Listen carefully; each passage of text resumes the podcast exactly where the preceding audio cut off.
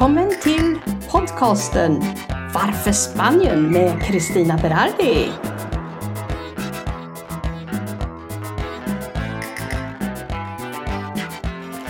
Idag tänkte jag faktiskt prata lite grann om hur det är att starta företag här i Spanien.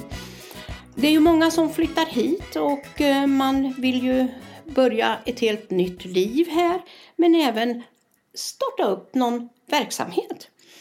Eh, och det är inte så svårt att starta ett företag här, eh, men lite annorlunda är det än i Sverige.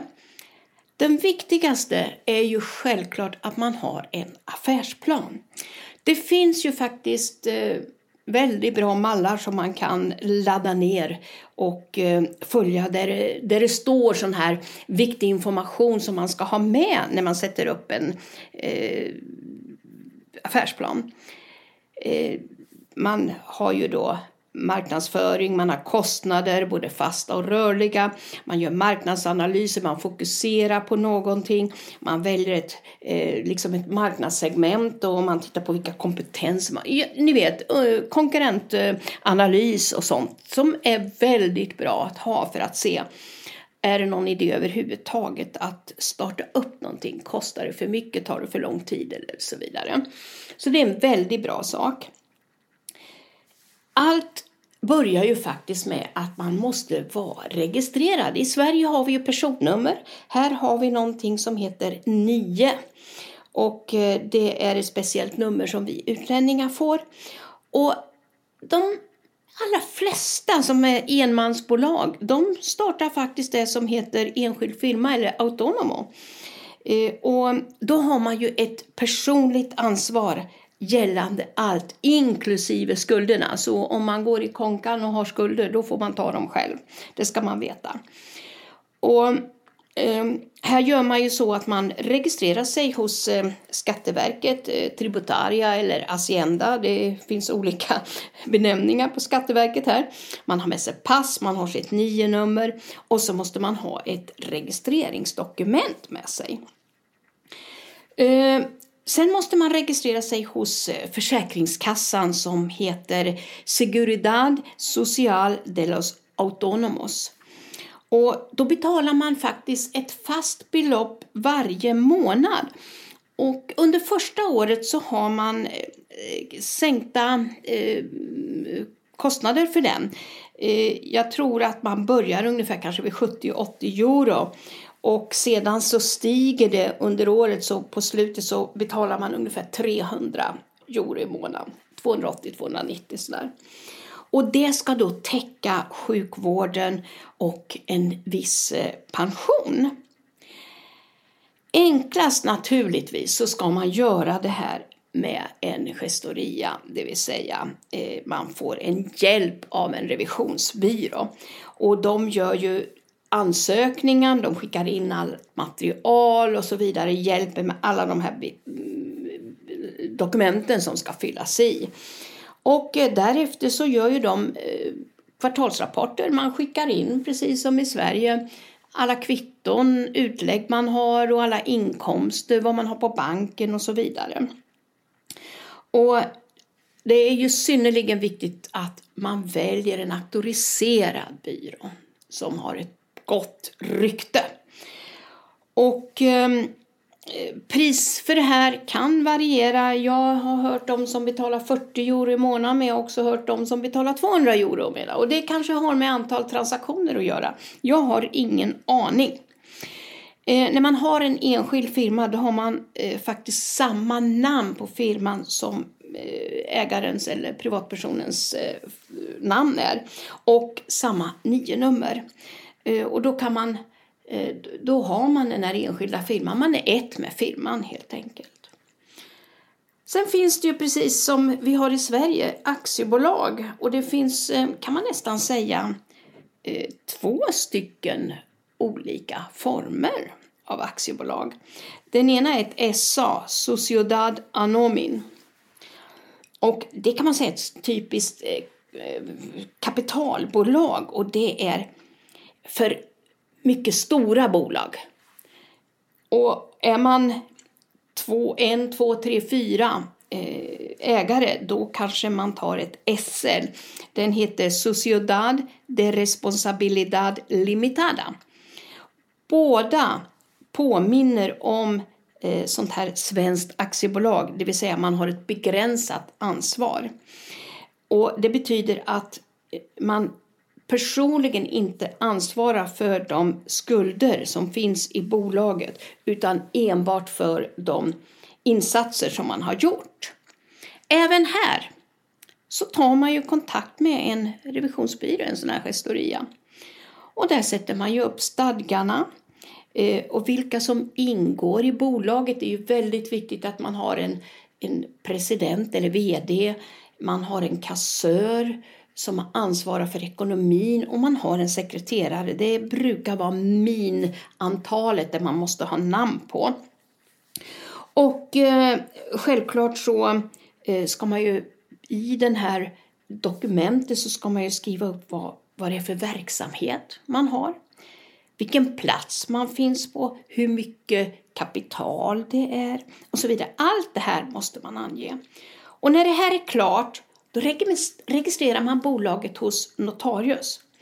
Och då är man där, alla delägarna är där tillsammans med revisorn och signerar alla dokument. Det här är väldigt viktigt. Jag kan tala om för de här notarius, de finns nästan överallt i varenda kvarter. Ibland när man går ut så ser man dem överallt. Så det är ingen brist på dem. Trots har de mycket att göra. Alltid.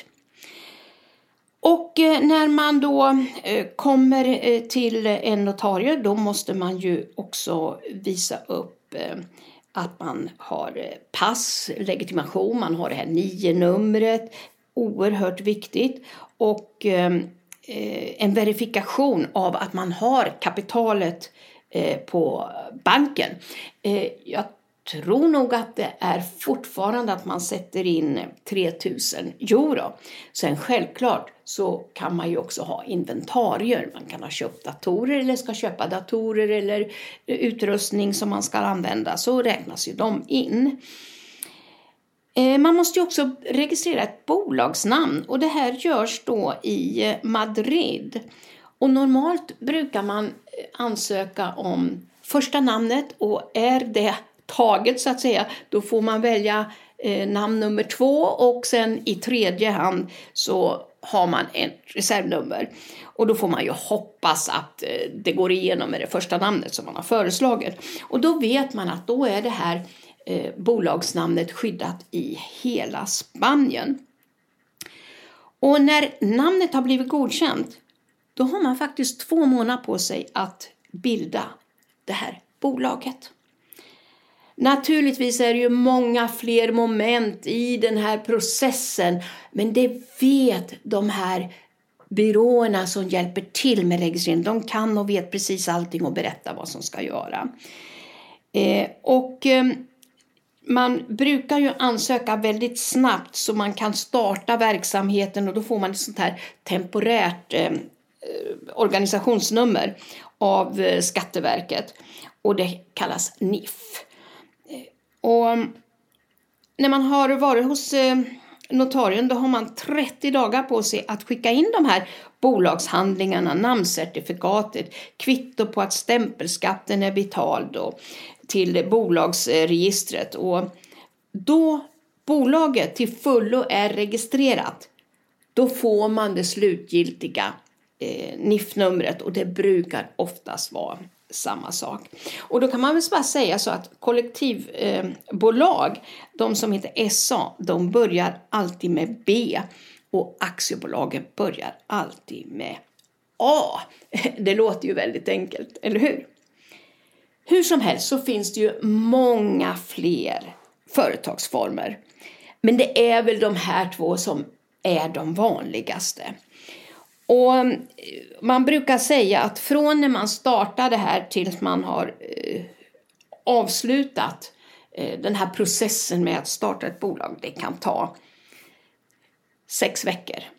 Men under det här året när vi har haft eh, pandemin, vi har haft en total nedstängning av Spanien och så vidare, då har de här behandlingstiderna förlängts.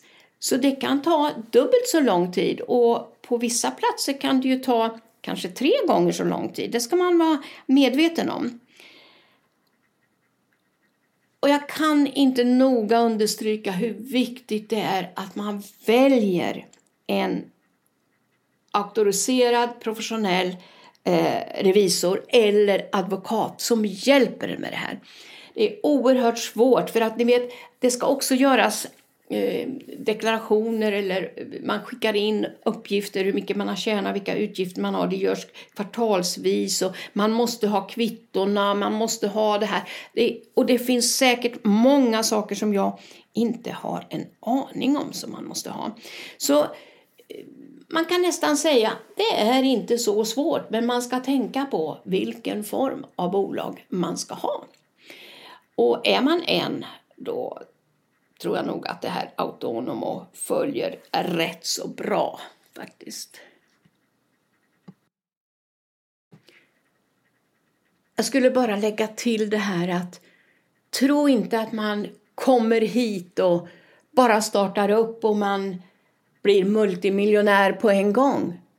Det är faktiskt hårt arbete och konkurrensen är ganska stor. Eh, jag är ju president i en urbanisation och eh, när det är någonting här så tar jag in offerter. Jag brukar ta in tre, fyra, ibland fem. Det beror på vad det gäller för någon och tittar. Och man är ju faktiskt ganska förvånad över de stora prisdifferenserna som man har. Eh, för samma jobb som ska utföras så räknar de helt olika och hur de räknar det kan vara ibland svårt att förstå. Men det kan variera kan vi säga från 100 euro upp till 600-800 euro för samma jobb. Och då börjar man undra, vem är det som är seriös av de här?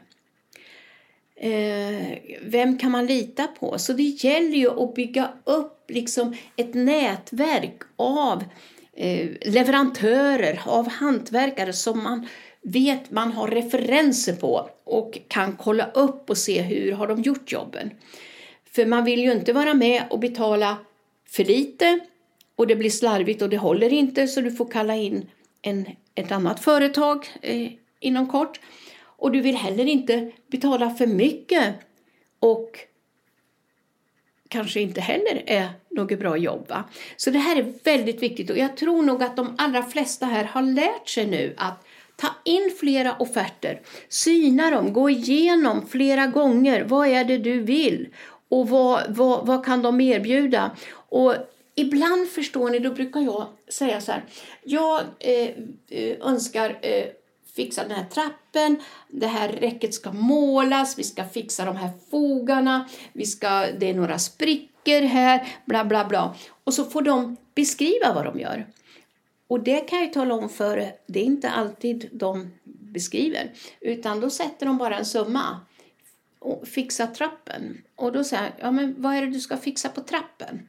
Ja men jag gör så här och jag gör si och ja, då ska, och då när man börjar ställa frågor, för man har ju ändå lite hum om vad är det som ska utföras. Och ehm, då får man ju konstiga svar ibland. Ja, tyvärr blir det så här. Och självklart ska man ju lita på en yrkesman. Att eh, de vet vad som ska göras när man har spesat eh, rätt så detaljerat. Men jag vill inte heller stå och säga du ska göra si och du ska göra så. För då kan det ju bli något fler fel som slår tillbaka på mig. Och säga men du sa att jag skulle göra så och jag brukar göra si. Så det är ju inte bra. Men det är ju viktigt att förstå vad är det som ingår i den här offerten. Eh, hur, hur vill kunden ha det? Hur är kommunikationen? Eh, jag har också den här erfarenheten att när jag tar in offerter så är det någon som säger Ja, jag vill gärna komma och titta. Jättebra säger jag, välkommen, när kan du komma? Och så är vi överens om en dag och tid. Och de allra flesta är här i rätt tid kan jag säga. De allra flesta är seriösa. Men då händer det så här att de kommer inte. Och efter kanske någon timme eller två eller tre så får man något meddelande och säger så här. Eh, kan vi ta det på måndag? Eh, ja, då är jag ju upptagen och jag har ju bokat om alla de här mötena nu för jag skulle, det blir lite så här och det är lite ledsamt. Då tappar jag lite förtroendet för eh, kommer de att utföra ett bra jobb? Så man får ju vara lite uppmärksam på sådana här saker. Hur som haver, eh, spanska yrkesmännen är väldigt duktiga och när man träffar dem och går igenom de här sakerna så eh, brukar det bli väldigt bra. Men spesarna är otroligt viktiga. Även om det är bara småjobb så ska man ha full förståelse för vad det där är.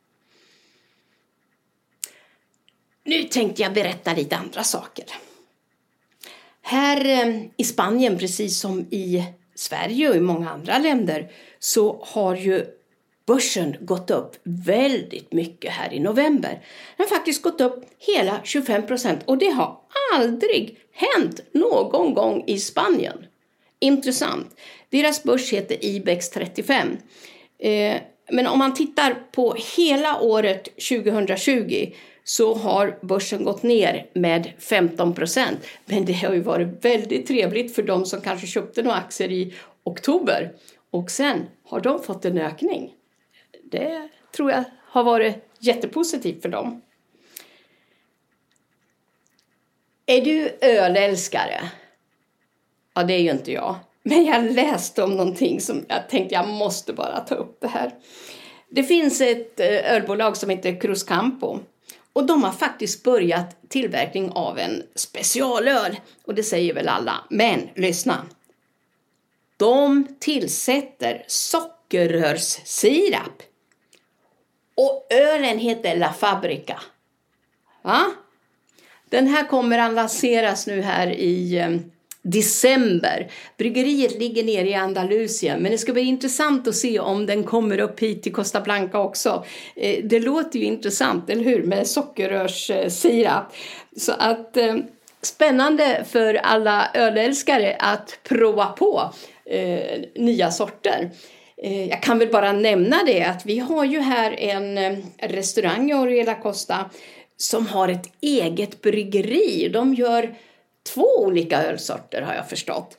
Eh, sist när vi var där då kunde man inte beställa deras öl för då hade de stängt bryggeriet temporärt. Och det var ju med anledning av att de har ju skorstenar och eh, ibland förstår ni så låter det väldigt mycket från det här bryggeriet och röken kommer ut och det luktar det inte så gott. Så grannarna där har klagat. Och, så jag tror det var den anledningen de stängde bryggeriet till temporärt då för att fixa till. För ljudet ska ju inte vara något problem. Filtreringen kan jag inte tänka mig att det ska vara några problem med. Så vi får väl se om de öppnar där. Så det kan jag också rekommendera att gå hit till restaurangen Mavana och prova på deras öl. För de finns ju sådana eh, eh, eh, som älskar den där ölen som de gör. Väldigt trevligt initiativ faktiskt. Eh, Ja, det var, förstår ni, allt vad jag tänkte säga idag. Och jag önskar er en riktigt härlig helg. Nu är det redan 3 december. Tack och hej alla lyssnare. Vi hörs nästa vecka igen.